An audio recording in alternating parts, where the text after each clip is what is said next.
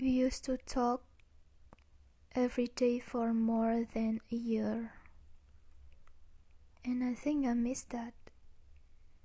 I really miss the feeling of being loved, the feeling of being cared for, treated special, treated from you.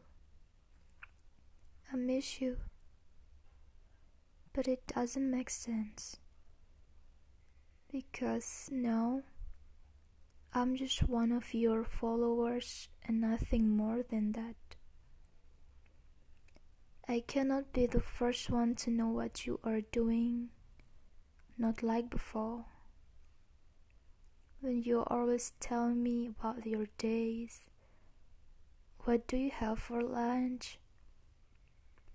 Anything. No, I don't even know whether you have sleep or not. I don't know what you are busy with. I don't know.